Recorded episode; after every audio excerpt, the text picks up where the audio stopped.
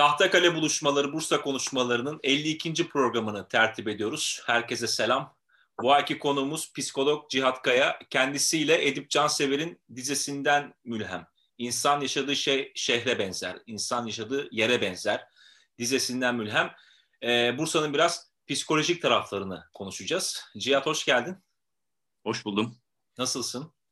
İyi valla sağ olasın. Sen nasılsın? Ee, biz de gördüğün gibiyiz. E, oradan nasıl gözüküyorsak öyleyiz. Güzel, bomba gibi. Eyvallah. Cihan başlayalım sohbetimize. Başlayalım. Hoş geldin Cihat. Hoş bulduk Cihan.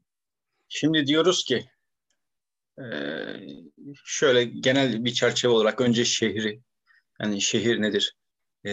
Sonra şehir ve insan üzerindeki psikolojisi. Ondan sonra Bursa ve Bursa insan üzerindeki psikolojisini konuşalım. İstersen e, sen kafanda oluşturduğun şekilde bir şehri veya şehrin insan psikolojisi etkilerinden başla bize. Konu aslında çok çetrefilli bir konu. Biraz bir okuma yapmaya çalışırken psikoloji daha doğrusu şöyle. Yani psikoloji bozukluklar ve kent bağlamında bir düşünce geliştirmeye çalıştım ben. Yani e, kişilik örüntüleri bağlamında mesela şehrin kişiliği nedir ya da şehrin yaşadığı psikiyatrik rahatsızlık nedir aslında? Buna da bakmak lazım. Buradan giderken de şeyi fark ettim. Belki daha önceki yayınlarda hatırlıyorum sanki değinildi bu. Şehir ve kent arasındaki farklılığa biraz göz gezdirdim. Ee, yani çünkü çok başka bağlamlarda meseleler aslında. Biz Bursa'yı şu an için konuşacaksak zannediyorum ki biraz daha kenti konuşmamız gerekecek. Çünkü kentte yaşayan insanla şehirde yaşayan, şehirli olan insan arasında hakikaten dağlar kadar fark var. Farsça kökenli bir kelimeymiş zannedersem. Şehirde, kent de aynı yerden geliyor. Kent biraz daha e, uygarlığa vurgu yaparken şehir daha çok medeniyete atıfta bulunuyor. İkisi arasında da çok ciddi farklar var. Yani işte e, daha edebi ya da daha romantizm ifadesiyle kent biraz daha görgüsüzlüğü, biraz daha dürtüselliği, biraz daha estetikten ve nezaketten uzaklık, kalabalık ve gürültüyü ifade ederken bize şehir bunun dışında daha kültürel, e, daha memleket içeren, daha muhtevası, öyküsü e, ya da kendi içinde bir tarihi olan bir yeri ifade ediyor bize. Dolayısıyla Bursa'yı da konuşacaksak şehri Bursa mı olarak konuşacağız e, yoksa kent olan Bursa olarak mı konuşacağız? Bunu da belki ikiye bölmemiz gerekecek. E, Samet eşliğinde çok gezdik Bursa'yı. Keza seninle de konuştuğumuz konuları var. E, yani aşığı olduğumuz ya da üzerinde durduğumuz yer şehri Bursa. Fakat ekseriyete baktığımızda bu zannedersem çok küçük bir yüzdeyi kapsıyor aslında evet, şu evet. an itibariyle. Cihat şehir inşa eder, kent imha eder. Bu sen Tanpınar. Tabii. Evet. Tanpınar'ın sözü. Evet. Çok doğru. Şehir inşa eder, kent imha eder hakikaten. Hakikaten öyle. Çünkü şehir bir kültür ve öykü üzerine kuruludur. Kent daha ziyade kalabalık üstüne inşa edilir. Kalabalık, yüksek binalar, daha taş, daha led ışıklar öyle söyleyeyim. Daha ortamla uyumsuz müzikler ve orada öyküsü olmayan, kültürü olmayan ya da bir, bir arada bulunmak için e, ekonomik yani somut nedenler dışında nedenleri olmayan insan topluluklarını ifade ediyor bana açıkçası kent dediğimizde. Ama şehir dediğimiz şey biraz daha farklı bir mesele. Ee, Hacı Bayram Veli'nin zannedersem insan bir şehri inşa ederken taşın toprağın arasında aynı zamanda kendini de inşa eder. Gönülde her ne varsa şehir diye görünür. Gönlü taş olanın şehri taş, gönlü aşk olanın şehri gülistan olur diye ifade ediyor. Tek kelimeyle aslında izah etmek demek bu. Yani içinde yaşayan insanlar gerçekten şehrin kimliğini, e, tarzını ve estetiğini ifade eden bir tarafı var bunun. Şimdi ben meseleyi biraz daha böyle okuyabildiğim kadar kısmından çıkarıp daha uzmanlık alanıma almak istiyorum. E, psikolojide savunma düzenekleri dediğimiz düzenekler var. Şimdi her insan yaratılış itibariyle, mahiyeti itibariyle yıkıcı tarafları olan, dürtüsel tarafları olan, bencil tarafları olan varlık. Ya da işte seksüel tarafları, cinsel arzuları olan bir varlık. Yani düşündüğümüz gibi insan eşrefi mahluk mudur? Yoksa gerçekten yapıp ettikleriyle mi buraya ulaşır tartışmaya çok açık bir konu. İnanmak istediğimiz mesele melek misali temiz ve masum doğduğumuz yönünde olsa da veriler, deneyimler hatta ebeveynler çok da meselenin öyle olmadığını bize anlatıyor. Yani ne demek bu? Yıkıcı dürtülerle e, ve aynı zamanda işte saldırgan itkilerle insan karanlığıyla beraber doğuyor. Freud'un bir sözü medeniyet ve şehre vurgu yaparken şunu da ifade etmek gerekir. Freud der ki e, mızrak atmak yerine e, küfretmeyi icat eden insan aynı zamanda medeniyetin de muciddir diye ifade eder. Bu muazzam bir tespittir aslında. Yani ne demek bu? Yıkıcı itkiler değil mi ki insanlık tarihiyle beraber hep bizim içimizdeydi ve ilkel dönemde belki e, insanlar birbirlerine öfkelendiklerinde, alındıklarında gerçekten mızrak atarak bunu ifade ediyorlardı. Ama bu alışkanlık ve yaklaşım insan yaşantısını sürdürülebilir hale getiremeyeceği için tekamül gerekiyordu orada. Yani biz hem aynı zamanda içimizdeki saldırganlığı ifade edecek, ya bunun hıncını bize doyuracak ve aynı zamanda da ötekinin kanını dökmeden e, bunu sağlayabilecek bir mekanizma geliştirmemiz gerekiyordu. Ve dolayısıyla küfretmeyi öğrendik. Yani aslında küfretmek insanın bir tekamül etme biçimiydi. Ve bu yüzyıllar içerisinde şekil değiştirmeye başladı. Nihai ulaştığı nokta da sanat, estetik. Yani yüceltme mekanizmasının en ulvi hali. Yüceltmeden kastım nedir? İnsanın toplum içinde yaşayamayacağı duygu ve dürtülerini en zararsız yoldan ifade edip hem de aynı zamanda insanın en primitif duygularını anlatabilme biçimidir. Şiir bu yüzden kıymetlidir mesela. Ya da işte Sezen Aksu şarkılarını dinlerken halen daha eskimiyor olması Sezen Aksu'nun yüceltme mekanizmasını çok iyi kullanmasıyla alakalıdır. Yani kadının kadına yönelik hasetini o kadar güzel anlatır ki 30 sene boyunca siz o şarkıyı dinlersiniz ve eskimez o. Çünkü hakikate vurgu yapmıştır orada. Dolayısıyla bizim aynı zamanda yüceltmemiz gereken konulardan biri işte biri saldırganlık, işte varsayıyorum öteki cinsellik ee, ya da işte insanın o e, itkisel, daha bencil, daha ilkel yanlarına vurgu yapan şeyler. Her neyse bunlardan biri de güç meselesi aslında. Fallüs denilen olgu yani. Güç konusunda da ilkel insanın e, daha doğrusu ilkel yanlarımızın talep ettiği bir şey var. Bir, bir algı var. Ne o? Güçten anladığımız daha iri, daha diri, daha büyük, daha uzun. Freud bunu gerçekten güç sembolünü işte e, arkeolojik çalışmalardan da bu çıkar ya da insanlık tarihinde de çok vardır. Penisle özdeşleştirdiği bir şeydir. Yani penisi olan güçlüdür ilkel anlamda ve bu yıllar içerisinde şekil değiştirerek devam etmiştir. Şimdi bunu yücelten insanlar sanatla yani yüceltebilen toplumlar sanatla, yazıyla, şiirle ya da işte biraz daha bilime vurgu yaparak artık kas gücünden gösterişten ve ebattan soyutlayıp meseleyi biraz daha akla indirgeyebildi. Ama nispeten bu kadar gelişmemiş ülkelerde fallüs halen daha boyutla alakalı bir şey. Yani şunu anlatmaya çalışıyorum. Düz mantık konuşayım size. Ee, mesela aradan geçen yılda varsayıyorum bundan 200 sene önce bir erkeğin kas gücü çok çok önemliyken geldiğimiz noktada biraz daha e, zihinsel durumlarla mesela para etmeye başladı değil mi? İşte sapyoseksüellik dediğimiz kavram yani cinsel anlamda etkilenen ya da işte flört, flört anlamda etkilenen insanların biraz daha artık zihin odaklı olarak yani güç şekil değiştirdi, biraz daha bilgiye evrildi, biraz daha e, işte IQ'ya evrildi öyle ifade edeyim bunu. Ama bu sürece adapte olamayan insanlar halen daha gücü kaldığı şekliyle ifade etmeye başladılar ve keza kentlerde de ülkeler özellikle gelişmekte olan ülkeler olarak ifade edeyim güç sembolleri olarak yüksek binaları halen daha inşa eder haldeler. Çünkü ne kadar iri olursa, ne kadar diri olursa, ne kadar parlak ve ne kadar ışıltılı olursa o kadar güçlü olduğumuzu, o kadar yenilmez olduğumuzu sanmak gibi halen daha bir huyumuz var. Yani genel itibariyle baktığımızda Orta Doğu olarak belki ben bunu söyleyebilirim. Yani iddialı bir söylem olabilir. Çok her tarafını gezmiş biri değilim. Ama genel anlamda baktığımızda evet biz bu meseleyi yüceltemedik ve halen daha dikey mimari nereden kaynaklanır dersek eğer e, itkisini henüz yüceltememiş, psikiyatrik anlamda da medenileşe, medenileşememiş insan alışkanlığıdır bu. Dolayısıyla dünya üzerinde de doğuya gittikçe daha aşağıya indikçe mesela varlıklı insanların halen daha işte daha yüksek otomobillere, daha şaşalı evlere ya da işte daha böyle büyük ve nasıl söyleyeyim gösterişli koltuklara oturduğunu fark ederiz. Ama biraz daha medeniyet anlamında bunu söylüyorum. Gerçekten kendisiyle barışmış ve güç sembolünün artık bu kas gücünden geçmediğini düşünen toplumlara gittiğinizde daha minimalist bir yaşam tarzı görüyorsunuz orada. Yani burada şuna vurgu yapıyorum. Ee, savunma düzenekleri ne tekrardan geri dönecek olursam yüceltme mekanizmasını kullanamayan toplumlarda kentsel bozuklukları çok sıklıkla görebiliyoruz. Biraz daha açayım. Ne demek bu? Mesela artık yazılı kuralların geçerli olduğu bir dönemdeyiz ve dolayısıyla ee, beklenen o ki evrensel ahlak düzeyinde başımızda bir bekçi ya da bir baba figürü de olmadan aslında kurallara uyabilmemiz bekleniyor modern insanda. Belki ütopya, belki çok iyimser bir bakış açısı. Bu da aynı şekilde şehrin görece sosyoekonomik düzeyi daha yüksek sokaklarında gezerken kaldırım taşlarının o kadar yüksek olmadığını fark edersiniz. Daha varoş sokaklarda gezdiğinizde sosyoekonomik anlamda suç oranlarının daha yüksek olduğu ya da işte eğitim düzeyinin daha düşük olduğu yörelerde, civarlarda gezdiğinizde kaldırımların yükseldiğini fark edersiniz. Neden? Çünkü tabelaya astığınız buraya park etmek yasaktır cümlesi ifade etmez bazıları için.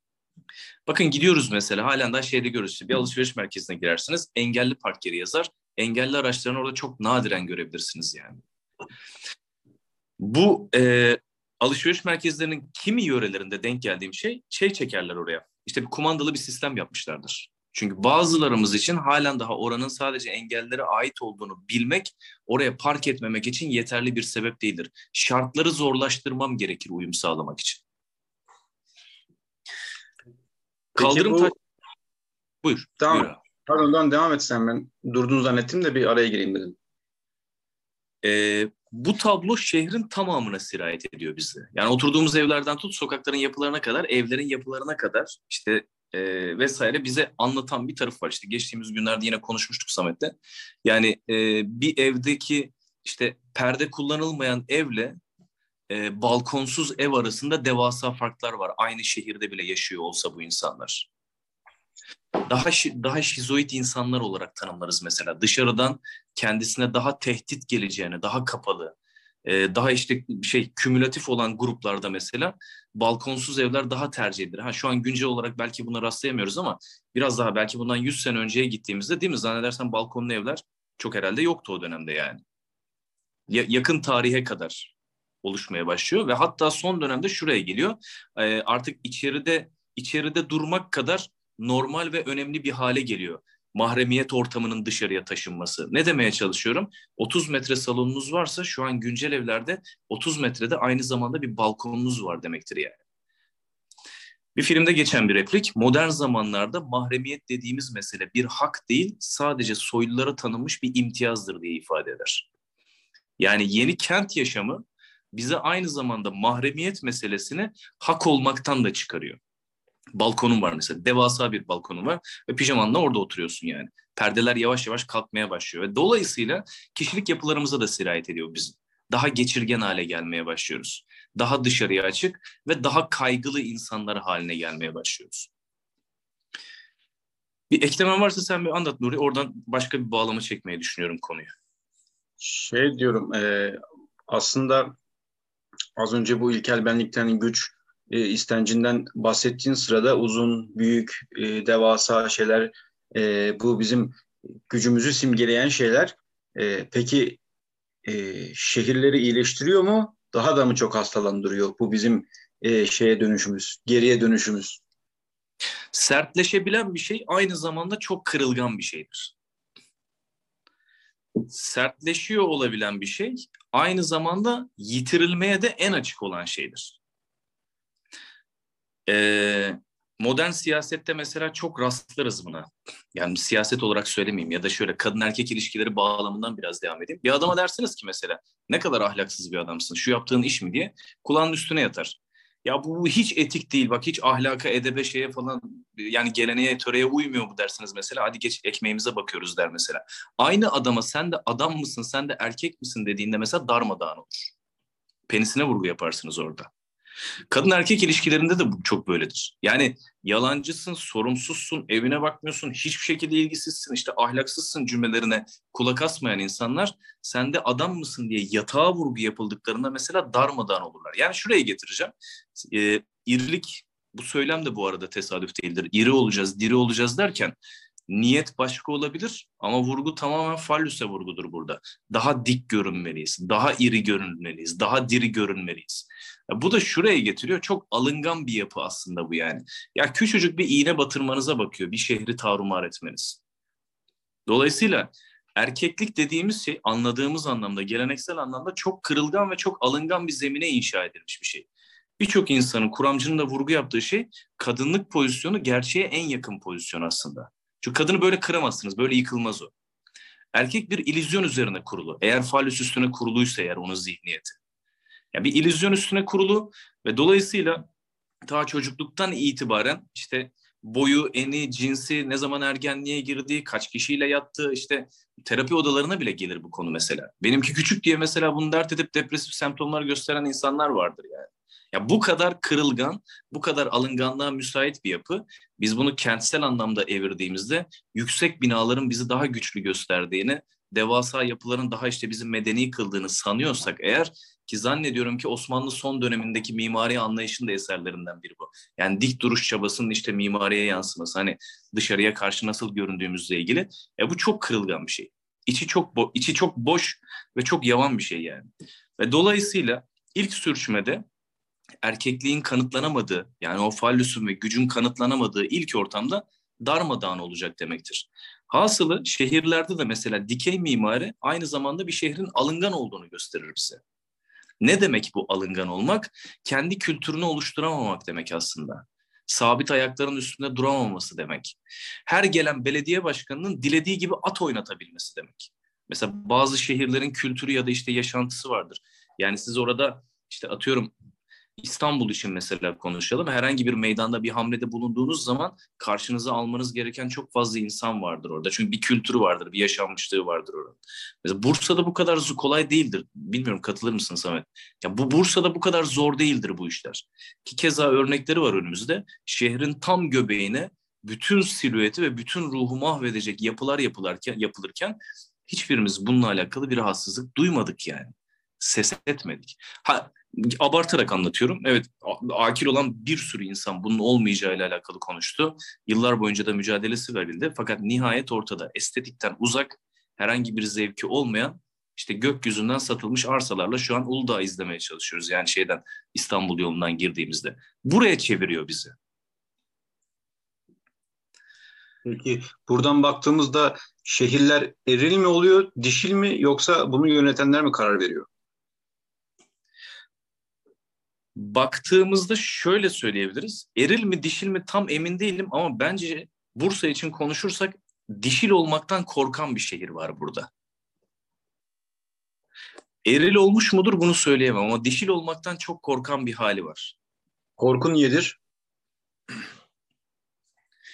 Güce vurgu yapacağız burada tekrardan korku arzudur aslında. Eğer Lacan açısından düşüneceksek mesela korkularımız arzularımız diye ifade eder ama burada konu çok daha başka bir yere gidecek belki. Ee, şu yüzden söylüyorum yani mesela işte 300 yıllık bir han yeniden kalkındırılıyor.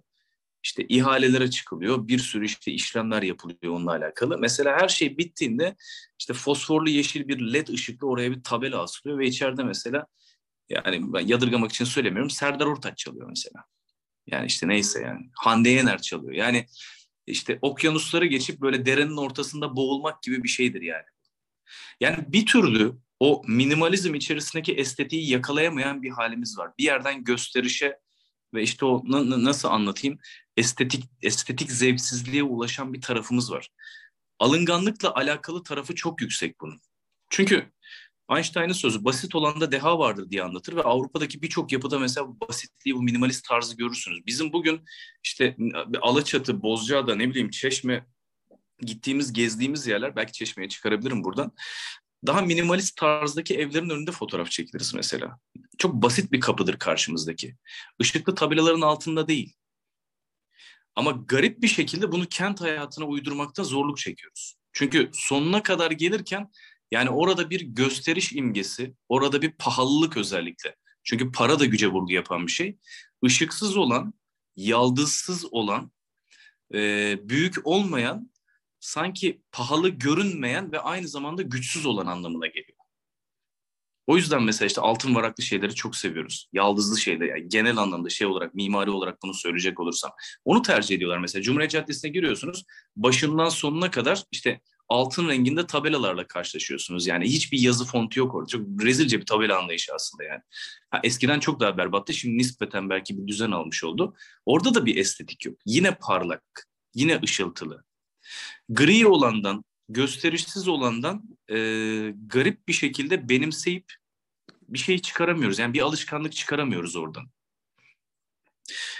Savunma düzeneklerinden tekrar devam edeyim. Aslında şehirleşme ne anlama geliyor? Biraz onu anlatacağım tekrardan.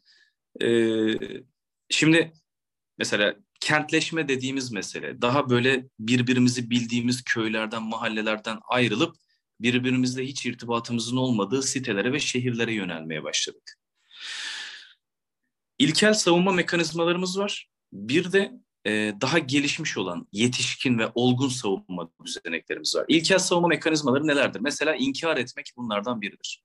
İşte Azra'ya sorarsın Samet mesela bunu kim yaptı diye işte bir şey suyu yere dökmüştür. Şu an Azra da demez onu da ben yapmadım der mesela çocuk. Daha çocukluğa yönelik bir şeydir. Bu benim değil, bana ait değil.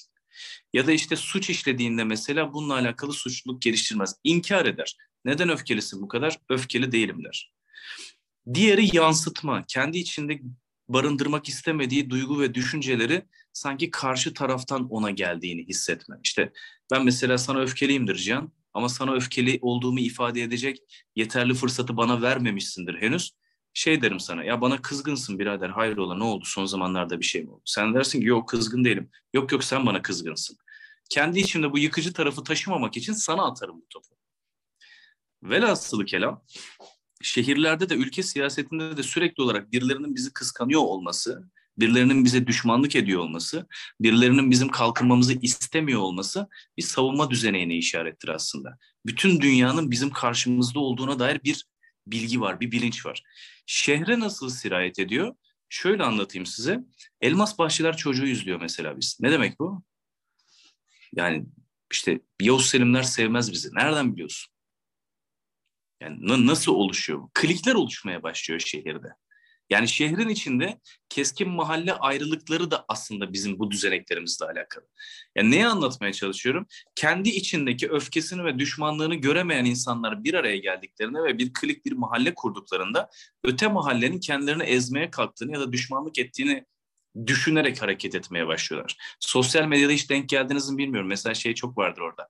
İşte Tarsus'tan Adana'ya selam işte şey böyle kafa tutmalar ne, ne, ne denir ona kanalları atladıkları böyle videolar var yani ya, işte bizim hakkım yapıyorlar. challenge yapıyorlar evet evet kanala suya at... selam Evet evet. Adana'dan selam. Bizim gibi şey atlayamazsınız. Siz kim oluyorsunuz diye. Aynen. Mesela suni düşmanlıklar üstünden bunun işe yarar bir tarafı vardı ama bu çocukken işe yarıyordu. Şu an yetişkinken değil. Peki kent aynı zamanda ne işe yarıyor? Kent bizim e, inkar etmemizi de ve utançtan korunmamızı şehirler çok kolaylaştıran bir tarafı var. Açayım. E, mesela göl yazıda yaşıyor olsaydık şu an muhtemelen hepimiz birbirimizi tanıyor olsa olacaktık.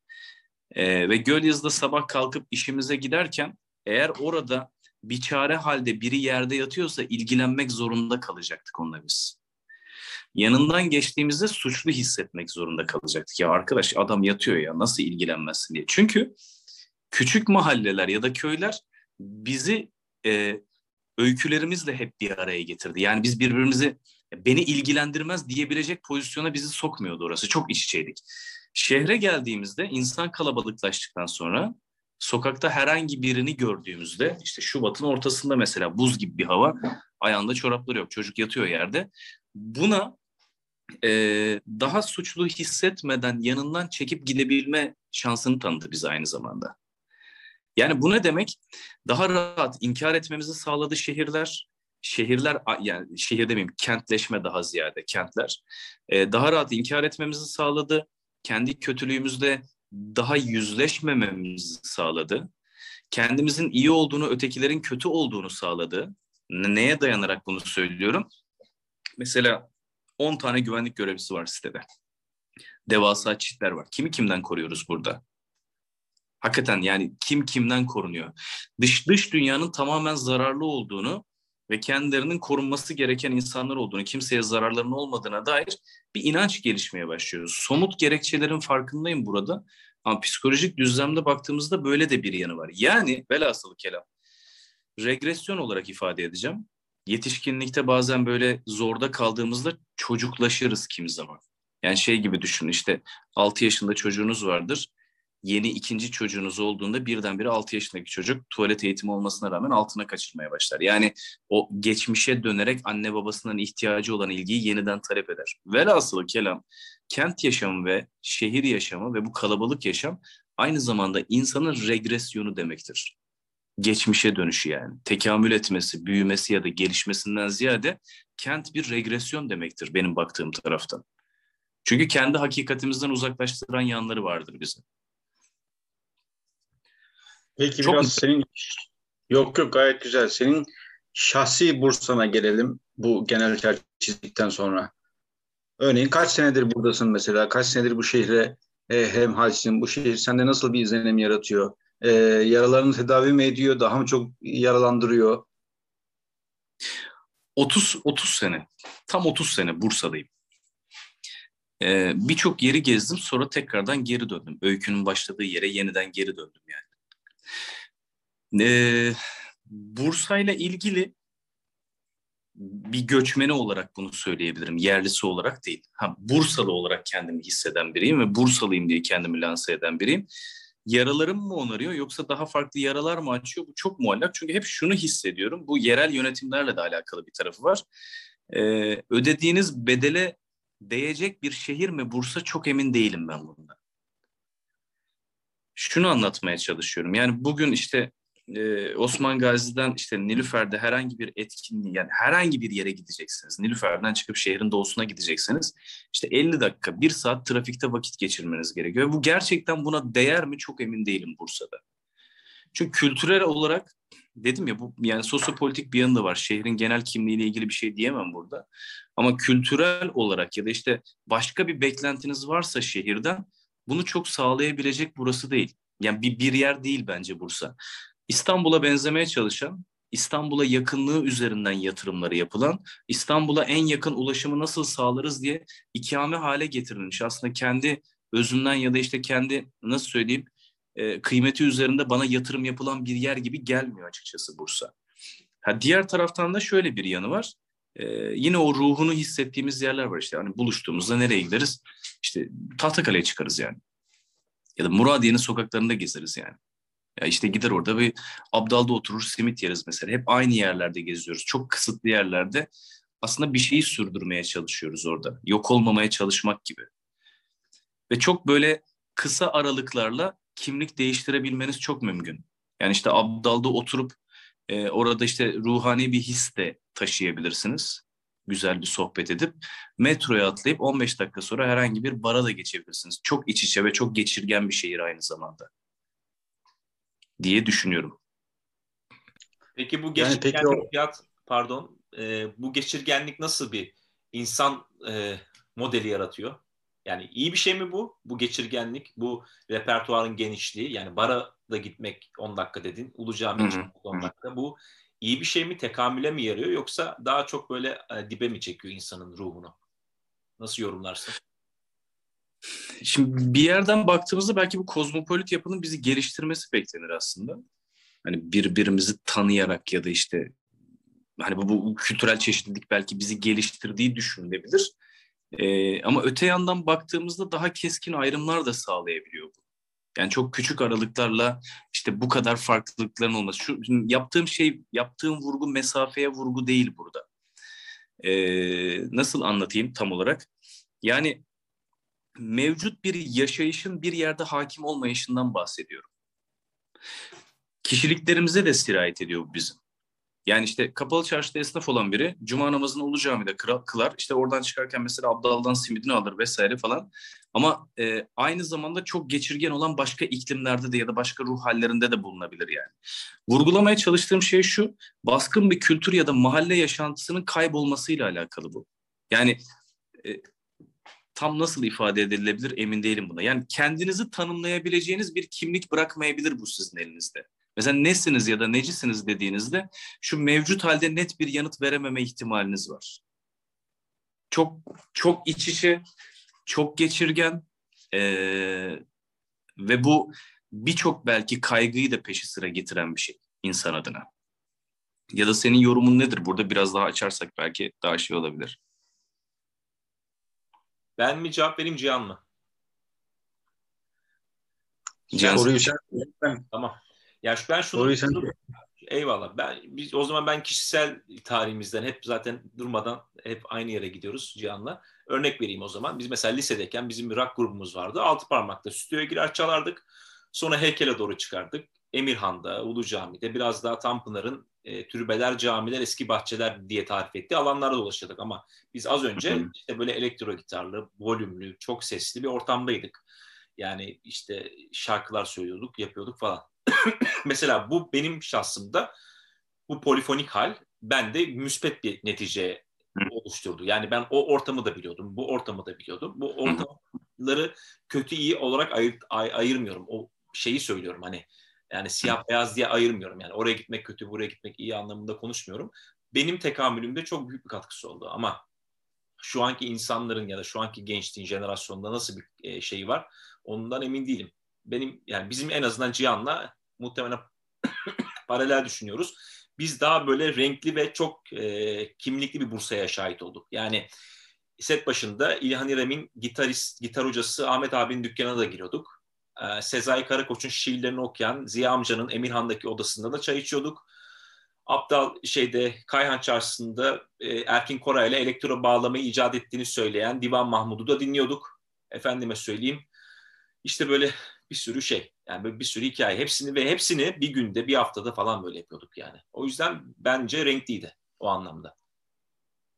Ya bir şeylerin birbirine rağmen var olabilmesi çok kıymetli bir şey aslında. Psikolojik anlamda da böyle. Yani bu bu e, işte homojen yapı biraz daha dediğin gibi siyah ya da beyaz diye bölmek değil, hepsinden barındırabilmek ve bunların herhangi biriyle ilgili iyi ya da kötü yorumu yapmak çok sağlayacaklı bir şey değil. Ama şu anki vaziyete baktığımızda çok keskin bir şekilde bu sağlanıyor. Yani şehrin belli bir yerinde giydiğiniz kıyafet ya da kostüm mesela şehrin başka bir yerinde gi- giyememeye başladınız aynı zamanda. Vurgulamaya çalıştığım şey oydu bir yandan. Çok keskin bir şekilde ayrılıklar, kişisel farklılıklar, yöresel farklılıklar oluşmaya başladı işte bir okulun e, tarzı, tavrı ya da popülasyonuyla şöyle 5 kilometre doğuya ya da işte başka bir yere gittiğinizdeki mesela okuldaki veli yapısı tarzı çok başkalaşmaya başladı. Şuraya getireceğim konuyu. Kaygı düzeyini çok yükseltmeye başladı aslında bu keskinlik. Senin bahsettiğin gibi bu, bu bizim bildiğimiz Bursa döneminde e, mahalleler arasındaki geçirgenlik ya da işte bir şehrin bir yerinden bir yerine gittiğimizde halimiz, tavrımız bu kadar değişmek zorunda değildi. Şu an geldiğimiz noktada bilerek ya da bilmeyerek bu çok daha sivri bir hale gelmeye başladı bizim için. Yani dediğin gibi işte Abdal'da simiden yiyip Ulu Cami'de namazını kılıp kalkıp işte Nilüfer'de ya da işte Çekirge'de herhangi bir yere gitmek çok olağan ve çok normal ve çok yadırganmaz bir meseleyken ki bahsettiğin altı parmak dönemi de aynı zamanda oranın çok popüler oldu işte lise yıllarımızın geçtiği yerler aynı zamanda. Yani şehrin çok böyle e, homojen olduğu dönemler bir yandan hem göçle hem e, politik yapının da değişmesiyle belki öyle söyleyeceğim. Bursa'ya gelenlerle de yani uluslararası alınan göçle de yapı ciddi anlamda farklılaşmaya başladı. Mesela yani bundan 20 sene önce bizim gittiğimiz 15 sene önce gittiğimiz çarşamba ile şu anki çarşamba asla aynı çarşamba değil yani. Yani orada Demir amcanın orada oturup yarım günü geçirebilirdik mesela. Şu an o kadar kolay kolay yapamazsınız bunu. Demir amca da galiba Nilüfer tarafını açtı bir şubeyi değil mi? O da oraya gitti. Kastım işte tam olarak buydu evet, yani. Evet. Kimlik taşınıyor Eskişehir'den. Genel bir kanaat var. Bu kanaate hepimizin bildiği bir şey.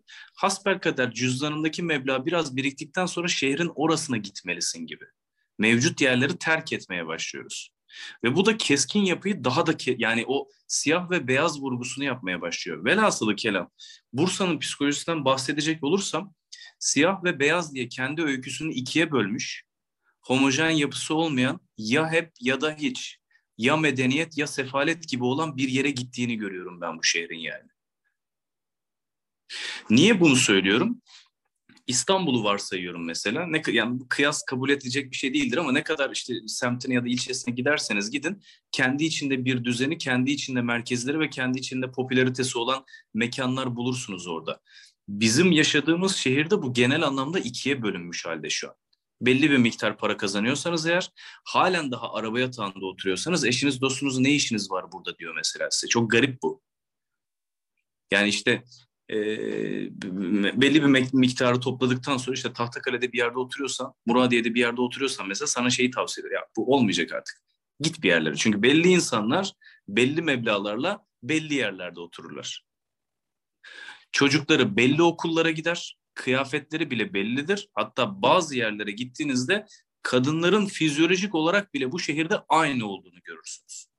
aynı estetik operasyonları geçirmiştir. Aynı ayakkabıları gi- giymişlerdir. Yani bu taraftan baktığımızda evet ya hep ya hiç şehri aslında. Siyah ve beyaz diye ikiye bölünmüş. Kendi kötülüğü ya da kendi karanlığı, kendi vasatını bir yandan reddeden biri ama o da onun gerçeği.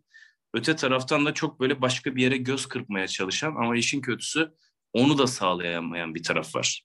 Ve en önemli vurgu şu, histriyonik bozukluk olarak anlatılan işte psikiyatrideki kişilik bozukluklarından birisi. Ne demek bu? Ee, telkine yatkın kişilik bozukluğu olarak söyleyeyim. Şehri bir kişi olarak düşüneceksem telkine yatkın, e, gösterişli, şaşalı fakat içerikten yoksun konuşan ve samimiyet anlamında böyle çok da böyle o, o duygusal doygunluğu vermeyen bir kişilik yapısı vardır. Mesela Bursa bana biraz bunu andırıyor. İçerikten yoksun, gösterişli yanları da var. Ama mesela o gösterişli yanlara gittiğinizde bir kültür ya da bir iklim bulabilmeniz çok mümkün değil yani. İçeriği olan yerlere gittiğinizde de görebildiğim kadarıyla eskisi kadar sahiplenilmediğini ya da terk edildiğini fark, fark ediyorsunuz ki e, yanlış hatırlamıyorum zannedersen değil mi? Çok e, Yunus Emre'nin kabristanı mıydı Samet? Aşık Yunus evet, mu diyorsun? Aşık Yunus'tu. Aşık, Aşık Yunus türbesi. Aşık Yunus türbesi. Bunu keşfi yani bunu haberleştirmek vesaire senin yaptığın bir şey değil mi? Yanlış hatırlamıyorum. Evet öyle. Ee, bir taraftan çok hoş, bir taraftan da fiyasko. Trajedi. Trajedi. Hı hı. Yani senin adına evet bu, bu bir şehre karşı sorumluluğu yerine getirmek, ifa etmek için güzel ama bir taraftan senin dediğin gibi trajedi. Bahsettiğim şey bu terk etme hali aslında yani. Evet çok güzel söyledin. Harika.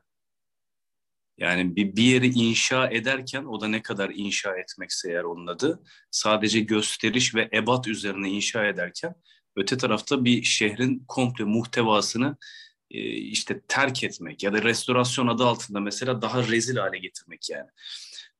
Temelde şehirle alakalı anlatmak istediğim, vurgu yapmak istediğim konu şu. Yüceltmeden bahsettim ya, yıkıcı itkilerimizi e, toplumun yadırgamayacağı, herkesin anlayabileceği ve konuşabileceği düzlemde ifade etme becerisi. Bunu yapmak zorundayız. Eğer biz kendi insanın mahiyetinde bulunan yıkıcı tarafları sanatla, işte tiyatroyla, müzikle, resimle, görsellikle ve şehir estetiğiyle ifade etmezsek insan bu, bu gerilimle tek başına başa çıkamaz. Açayım ne demeye çalışıyorum. Mesela heykel bir şehir için çok çok önemli bir şeydir. Orada çalışılan konu bir şehir için çok önemlidir. Ve özellikle zor heykeller, öyle anlatayım. Özellikle muhafazakar yapı içerisinde siz bir yere bir insan anatomisini anlatan, insanın herhangi bir itkisini anlatan taştan, mermerden bir işte sanat çıkardığınızda herhangi biri gelip onun üzerine örtü örtüyorsa 40 fırın daha ekmek yemesi gerekiyor demektir bu şehrin yani. İşte bir tiyatro oyununda herhangi bir sahneyi ifade edemiyorsanız, konuşmuyorsanız, örtüyorsanız eğer 40 fırın ekmek yememiz demektir. İnsanı yıkıcı itkileriyle baş başa bırakıyoruz demek bu. Edeple, ahlakla ilintili şeyler değil. Şehre baktığımızda tabiri caizse hani muhafazakarlık ve samimiyet arasında çok ciddi farklılıklar var. Bu muhafazakar yapı şehri de tabiri caizse riyakar hale getirmeye başlıyor. Az önce bu geçirgenlikten kastım buydu benim. Yani e, bir bir tanımla kişiler kendilerini tanımlayamıyorlar burada. Muhafazakar görünümlü bir müptelaya rastlamanız çok olası bu şehirde yani. Muhafazakar olmak müptela olmaya mani midir? İki kere iki dört değil. Kastım ya da vurgum bu değil benim burada anlatmak istediğim. Daha çok riyakarlığa vurgu yapmaya çalışıyorum. Çok iç içe. Yani çok çok e, nasıl anlatayım? Samimiyetten nispeten uzak ve insanı iki yüzlü olmaya iten bir aslında şehir anlayışımız var bizim burada. Neyden bahsediyorum? İşte Bursa'da e, işte gece hayatı nerededir? Biliriz. İşte Bursa'da e, garip diyeyim, garip ilişkiler nerelerde kurulur? Mesela bunu biliriz. Bursa'nın manevi değeri olan yerleri nerelerdir biliriz. Ve hepsi birbirini tanır bunların. Çok geçirgendir birbirlerine, çok iç içedir yani. Ve bu bizi e, daha gizli noktalarda kendi itkilerimizi gerçekleştirmek zorunda bırakır. Çünkü ifade etmeyiz biz. Mesela bir, bir oyun oynatamazsın burada. Yani işte nasıl anlatayım? toplum değerlerine aykırı olduğu gerekçesiyle mesela sahneleyemezsin. Değerlere aykırı olmasıyla ilgili değildir ama bu mesele. Kendi bir, biraz daha komplekslerimizden ya da korkularımızdan kaynaklı bir tarafı var. Dolayısıyla bir şehir kendi içinde bu komplekslerini yenmediği müddetçe şehri yönetenler öyle ifade edeyim. Şehir üzerinde inisiyatif kullananlar e, işte heykel yapmadıkça ya da işte tiyatro sahnelemedikçe her gruptan ve her görüşten insanları şehrin içerisinde barınar barınır hale getirmedikçe o şehri siz daha muhafazakar, daha yaşanır ya da daha böyle muhtevası duygusu yoğun bir yer haline getiremezsiniz. O şehri sadece riyakar yaparsınız böylelikle. Yani ne demek bu? Evet heykelde vakit geçiririz, Abdal'da simit yeriz, Ulu Cami'de işte her ne yapıyorsak yaparız. Gece de mesela Görük'te de kimsenin görmediği noktalarda çok enteresan yaşamlar sürebiliriz yani. İyileşmeye götürmez bu bizi. Çok enteresan yaşamları yadırgamak biri iyidir kötüdür demek değil buradaki kastım. İnsanı kişiliksiz hale getiren bir yanı var bu şehrin. Bursa ile alakalı benim güncel olarak algıladığım şey biraz bu açıkçası. Bilmiyorum nasıl yorumlarsınız. Çok mu eleştirel oldu? E, kişilikli hale getirmek için e, vazife şehre şehrin insanına mı düşüyor, yönetenine mi düşüyor? Şehrin insanının özünü, şehrin şehirde yaşayan bence e, her insanı kapsayacak şeyler yapmak gerekiyor bu şehre. Yani oy oy kaygısıyla değil. Kaldı ki oy kaygısıyla ilintili şeyler de değil bunlar yani. Ya her sene milyonlarca insan Davut heykelinin karşısına dikilip izlerler o heykeli mesela. Yani haşyet duygusuyla izlerler onu. Türk Bursa'da yapabilir misiniz? Bursa'da sergileyebilir misiniz o heykeli? Ya bu, bu çok söz konusu değil. Ne yaparlar mesela? Sadece bir yere koyabilirsiniz bunu. Ertesi gün üzerini boyayabilirler. Pantolon giydirebilirler heykele ya da taşlayabilirler. Peki asıl soru şu. Bu bizi bu kentin edepli ya da ahlaklı olduğuna dair bir yere mi götürür? Çok böyle sağlıcaklı, sadakatli ilişkiler kuran bir şehir midir bu? Genelleştirerek söyleyeyim. Asla bu buraya vardırmaz bu bizi. Haliyle anlatmaya çalıştığım şey bu. Bizler kendi içimizde, mahiyetimizde var olan duygularımızı başka yollardan ifade etmek zorundayız. Edebiyatla ifade etmek zorundayız. Tek bir dil var mesela. Bursa'da da böyle tek bir dil ve tek bir fraksiyon konuşuluyor genelde. Yani küçük küçük belki krikler var ama ya da işte oyun sahnelenecekse mesela çok tek tük bunu sahneleyebiliyorsunuz. Yani şehrin göbeğinde oynanacak oyunlar. Siyasi sahiplerle de bu yapılıyor. Evet bunu anlayabiliyorum ama zaten bu anlayıştan dolayı e, içerikten yoksun hale gelmeye başladı bu şehir. Ne o içerikten yoksun olmak? Abi biz krediye bulaşmayız, faiz haramdır der mesela. E şeyi ne yapacağız, nasıl yapacağız peki? E, maaşın geri kalanını neden elden veriyorsunuz da? Bunu nasıl konuşabiliriz? Mesela bunu bir yere sığdırabiliyor muyuz yani? Buna rağmen insan iyi de olabilir. Anlayabiliyorum ama bu anlayış bizi bir yere götürmüyor işte. Zihinsel anlamda, kişisel anlamdaki çarpıklığımız mimariye de sirayet ediyor. Ya çok basit iki kere iki dört denilen denklemler vardır. Mesela Mudanya'nın restorasyonu yapıldı. Rezil bir restorasyon yapıldı. Betondan ve metalden nasıl bir haz alınıyor? Psikolog olarak, mesleki olarak ben bunu anlayabilmiş değilim yani. Mesele paraysa çok rahat anlaşılabilir. Ya bu maddi kaygılarla yapılan bir şeyse çok rahat anlaşılabilir. Ama dünyanın her yerinde geçerli bir şeydir. Gün ışığı insanı rahatlatır mesela. Hafif sarı renkli bir ışık insanı rahatlatır. Sakin müzikler mesela huzur hissettirir. Yeşillik ya her yerdeki yeşillik yani. Mesela Mudanya'daki o kordonu daha fazla ağaçla donatmak çok zor bir şey değildi yani. Aksine çok daha rahat ve kolaylıkla yapılabilecek bir şeydi. Bu kadar bina yapmak, bu kadar şehirleşmek, imar planlarını değiştirip şu an işte daha böyle görece düzenli olduğunu düşündüğümüz yerlerde de 15 katlara, 20 katlara çıkıp gökyüzünden arsa satmak mesela estetikle alakalı şeyler değil. Bunu yaparken de belki bir şeyleri şekillendirebilirsiniz ama işte sosyoekonomik şartlar burada devreye giriyor. 20 sene önce yapılan sitelerde blokların arasındaki mesafe çok daha uzakken şu an güncel olarak mesela aynı arazi üzerinde blokların mesafesi çok daha kısalmaya başladı. Birisi para, evet doğru. İkincisi de zevksizlikle çok ilintili şeyler bunlar. Gerçekten estetik algılanan ve insan insanın kendi kişiliğindeki karmaşanın dışa vurumu bu bir taraftan yani. Yani işte güzel bir mekan yapıp oraya parlak bir led ışık çekmenin hiçbir manası yok. Ama adamın kendi ruhsal dünyasına bakıyorsun o da zaten karmaşa içerisinde. O da zaten farklı bir deryada bir yere oturmuş değil yani. Ya haliyle yine en başa ilk söze geri dönüyorum. Hacı Bayram Veli Hazretleri'nin muazzam sözü. İçinde ne varsa şehir diye dışarıda o görünür yani. Müteahhitin içinde kimliğinde ne varsa, başkanın içinde ne varsa şehir diye o görünür. Yapacak bir şey yok burada. Velhasılı kelam şehir insanı değil, bence insan şehri yaratır diyorum burada. Peki son söz olarak, toparlama olarak bize biraz umut vaat eden şeyler söyle. onu az önce onu sormuştum. Çok kötü gitti değil mi diye. Bir yanıt nereye bulamadım. Sığınalım, nereye sığınalım, nerede nefes alalım?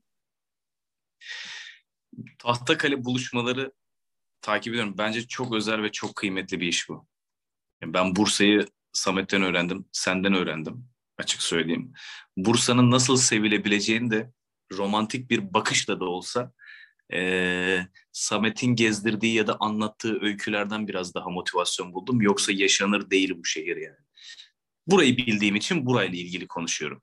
Gerçekten bu, bunca çektiğimiz çileye öyle anlatayım e, ve bütün maddi imkanlardan bağımsız olarak bunu söylüyorum.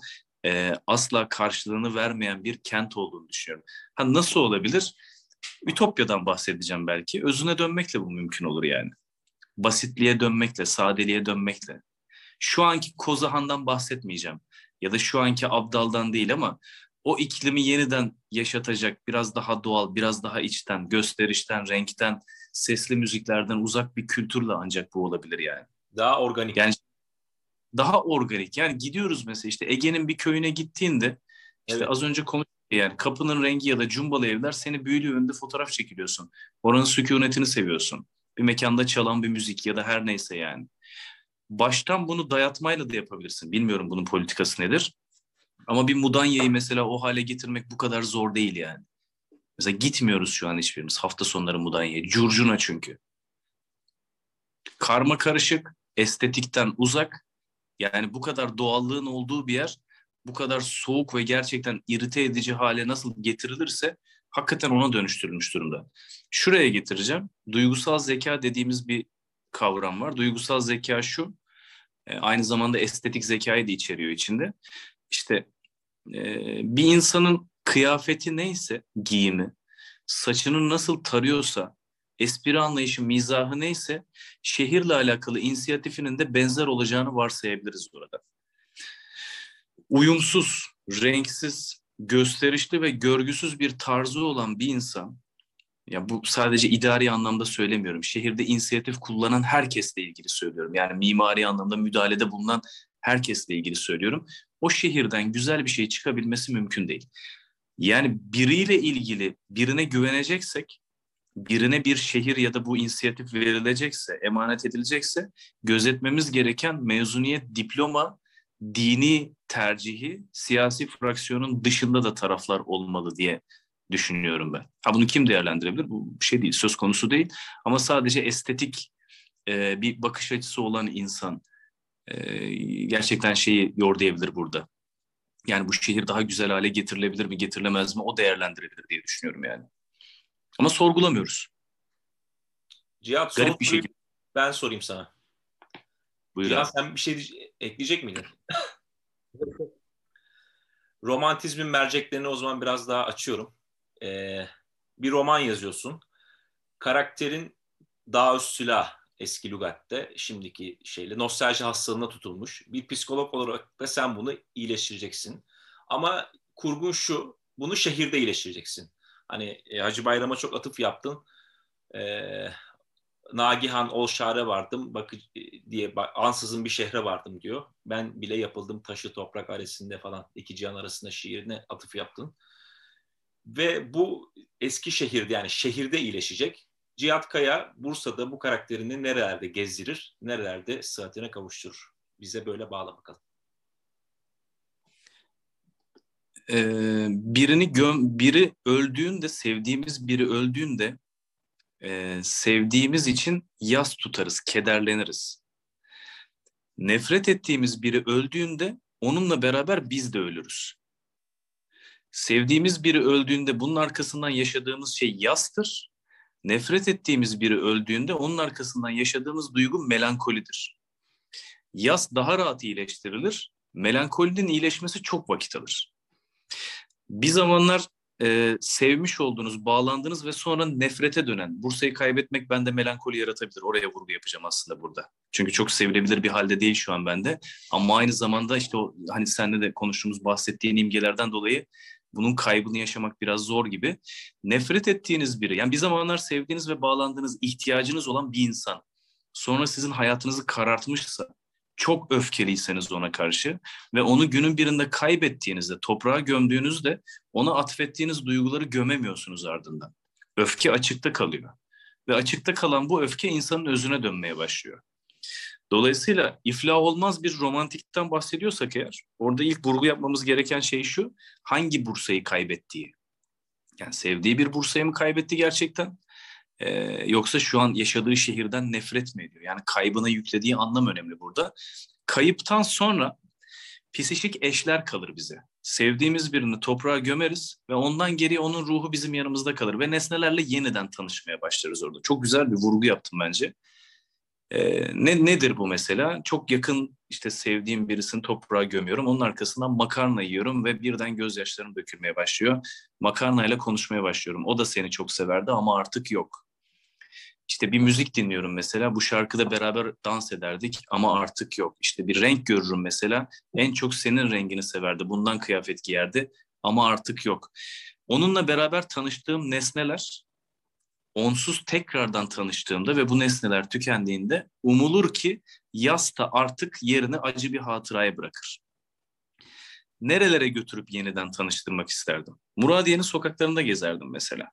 İşte sabah bir kahvaltı yapardık. Ee, Üftadiye çıkardık beraber. İşte Haraç yolunda kahve içerdik. Varsayıyorum. Aşağıya şimdi asla kabullenmediğimiz Atatürk Stadı'nın oraya giderdik mesela. Altı parmaktan e, işte o Arap Şükrü Sokağı'ndan aşağı yürürdük birlikte. Ve her yerde orada muhtemelen yeniden onunla tanıştırırdım.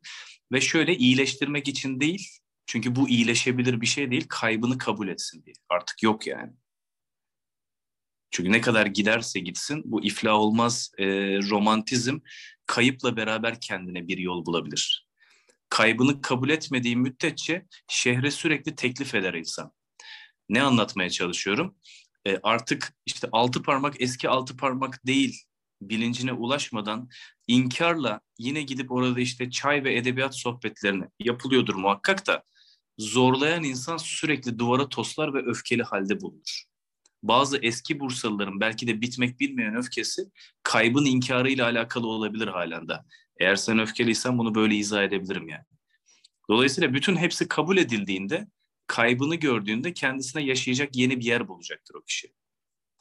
En çok ona benzeyen, değil mi? Öyle söylüyordu. Ona en çok benzeyen birini bulursun ve bu zafere en çok benzeyen yenilgindir zannedersem değil mi? Ona en çok benzeyen ama ondan olmayan yeni bir yer inşa ettiğinde iyileşir herhalde diye düşünüyorum. Ama o yeni yer şey değil. E, çok katlı bir site değil asla. Evet yine Tophane ya da Pınarbaşı değil. Hı hı. Orada bulamayacak bunu çünkü bu, bu bir kayıp. Hı. Orası değil ama ona benzeyen e, başka bir yer, başka bir yerde olabilir diye düşünüyorum yani. Cihat çok teşekkür ederiz. Eyvallah. Ben bir hayale aldanmaktansa gerçeğin acısını çekerek yaşamayı tercih edenlerden biri olduğum için benim için oldukça keyifli bir program oldu. Eyvallah. Ben Teşekkür ediyoruz Cihat. Ee, geldiğin, katıldığın için, vakit ayırdığın için. Ben teşekkür ederim. Dinlemeye değer bu. Mutlu oldum. Sağ olun. Tahtakale buluşmalarına da bir not düşmüş olduk seninle beraber. Eyvallah. Çok sevindim. Bunun içinde olmak çok güzel. Eyvallah. Teşekkür ediyoruz. Yeni bir yayında görüşmek üzere. Hoşçakalın.